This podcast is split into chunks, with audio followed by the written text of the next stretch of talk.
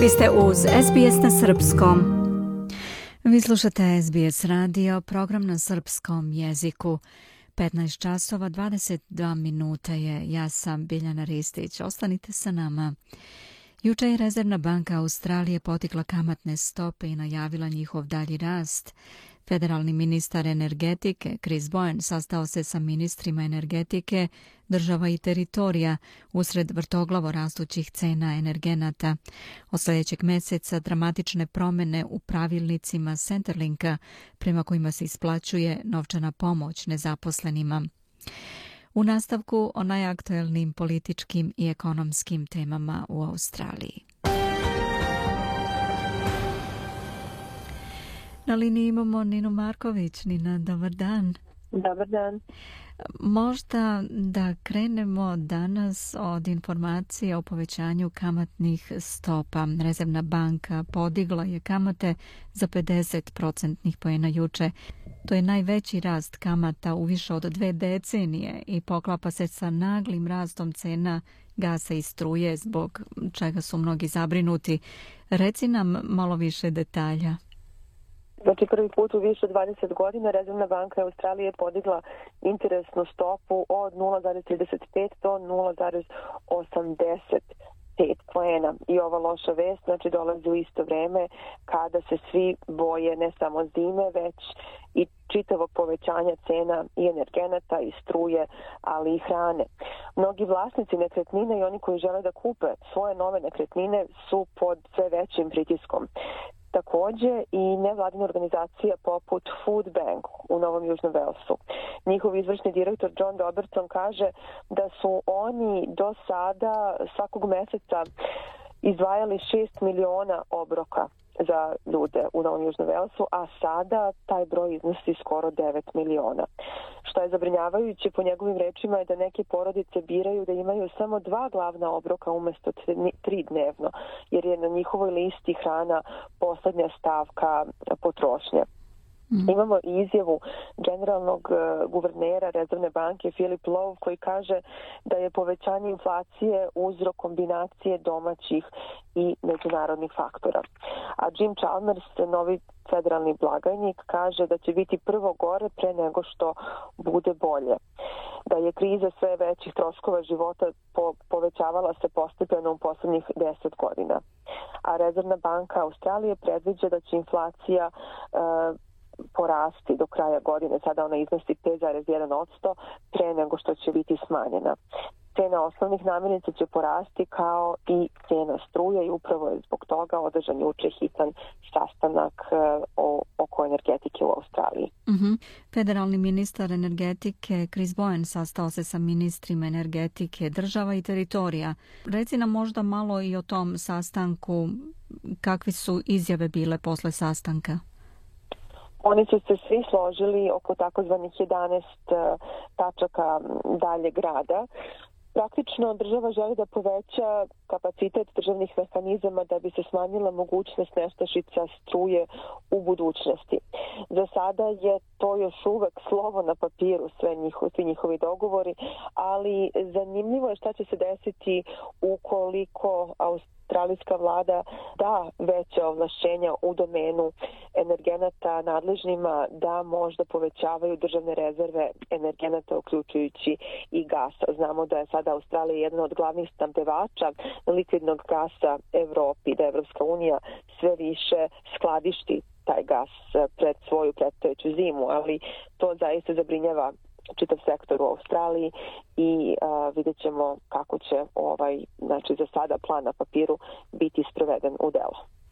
Naročito kada su u pitanju države na istočnoj obali gde je sada zima u toku i tako da je da su dosta i političari a i stanovništvo na istočnoj obali zabrinuti zbog toga šta bi moglo da bude ako bi cene energenata otišle zaista tako visoko da ljudi počnu da isključuju struju ili gaz zato što ne mogu da plate, što se već dešava u suštini u mnogim slučajevima. A kad već o tome govorimo, ljudi koji su bez posla također su zabrinuti zato što je uveden novi servis u okviru Centerlinka koji preti da skine sa socijalne pomoći mnoge korisnike usluga ministarstva. Možda da kažemo više detalja o tome. Od 4. jula dolazi na snagu novi servis pod nazivom Workforce Australia i on će uticati na čak 792.000 ljudi koji traže posao, a korisnici su Centralinka. On, ovaj sistem će podijeliti ljude u dve grupe. Prvih, e, prva grupa od 169.000 ljudi će biti prebačena na online portal, dok 592.000 ljudi će biti prebačena na sistem usluga takozvanim face to face, znači lično će odlaziti. E, problem je taj što mnogi korisnici ovih sadašnjih usluga i sadašnjeg sistema ne znaju kako će ova promjena uticati na njih.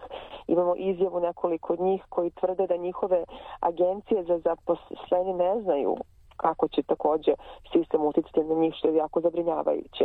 I zanimljivo je da dodamo da je 2019. godine Senatski komitet utvrdio da je novi sistem koji je tada bio samo u planu, da nije adekvatan za korisnike ovih usluga. Tako da su mnogi zabrinuti, znači skoro 800.000 ljudi će od 4.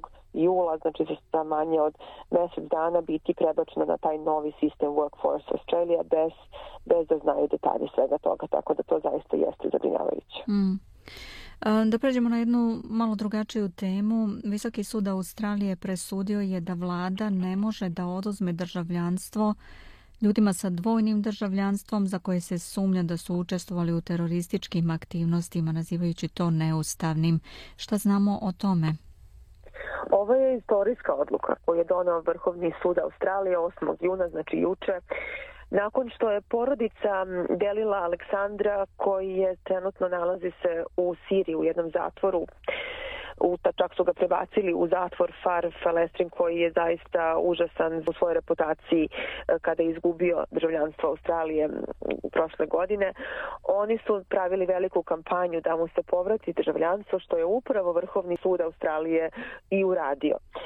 Ovaj čovjek je bio dvojni tursko-australijski državljanin i on je dobio slučaj na Vrhovnom sudu nakon što je bivša ministarka unutrašnjih poslova Karen Andrews, ista ona koja je Novaku Đokoviću otkazala prvi put vizu, ona je prošle godine odlučila da mu oduzme državljanstvo i zbog toga je on tretiran po rečima njegove porodice mnogo lošije u Siriji. Oni sada uopšte nemaju kontakt sa njim. Njega je država optužila da je otišao u Siriju da bi se pridružio Isilu, iako on nikada nije osuđivan ni za šta u Australiji. Njegov advokat e, Osman Samin kaže da je sekcija takozvana 36b unutar zakona veoma širokih okvira i po njegovim rečima ona je dala radikalnu moć ministru bez presedana u australijskoj istoriji sudstva. Samin kaže da je praktično ovaj zakon dozvolio da ministar ili ministarka naprave svoj paralelni sistem takozvane kriminalne pravde i kažnjavanja. Ovom čoveku se sada vratilo državljanstvo, a imamo i komentar advokata ustavnog prava i akademika sa Univerziteta Novog Južnog Velsa, doktora Sangrita Pilaja, koji kaže da će ova odluka imati daleko sežne posledice. Ali brojni ljudi kojima je već oduzeto državljanstvo neće ni znati za ovu promenu. Australija ima preko 90 zakona o terorizmu, tako da će država moći i druge zakone da upotrebi da ne omogući ljudima poput e, Aleksandra da se vrate u Australiju. Mark Dreyfus, e, koji je znači, novi državni pravobranilac, kaže da je Australija potpuno bezbedna i da ovaj novi presedan neće bitno uticati, ali sa time se ne slažu e, advokati za ljudska prava koji kažu da je ovo zaista istorijska odluka. Mm. I da završimo sa jednom takođe temom koja ima fokus na organizovanom kriminalu. Australijska federalna policija obećava da će krenuti u napad na italijansku mafiju u okviru svoje sljedeće operacije usmerene na organizovani kriminal i u Australiji i u inostranstvu. Da kažemo par reči i o tome. Australijska federalna policija već sarađuje sa kolegama iz Italije, SAD-a, Španije i Brazila i tek je prošle godine u javnosti izašla informacija da takozvana operacija gvozdena strana je dovela do toga da 383 osobe u Australiji budu uhapšene.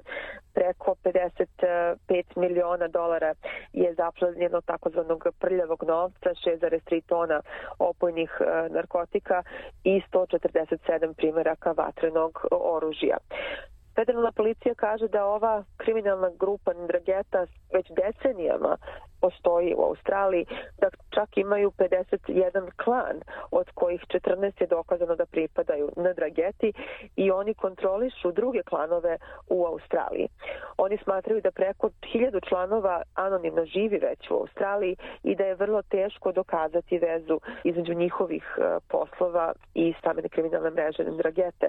Ali da, smatra se da je nekoliko milijardi dolara svake godine oprano kroz australijsku ekonomiju, tako da će se oni truditi da više da otkriju ove dalje operacije i postojeće unutar e, Australije i vezu australijskih građana sa ovom ogromnom svetskom kriminalnom mrežom za koju se smatra da kontroliše do 80% svetskog uh, tržišta kokaina. I toliko za danas. Hvala Nina mnogo na vremenu koje se odvojila da porazgovaramo. Hvala, prijetno. Bila je to naša saradnica iz domena politike, dr. Nina Marković. Ostanite sa nama, slušate program na srpskom. Ja sam Biljana Ristić. Želite da čujete još priča poput ove? Slušajte nas na Apple Podcast, Google Podcast, Spotify ili odakle god slušate podcast.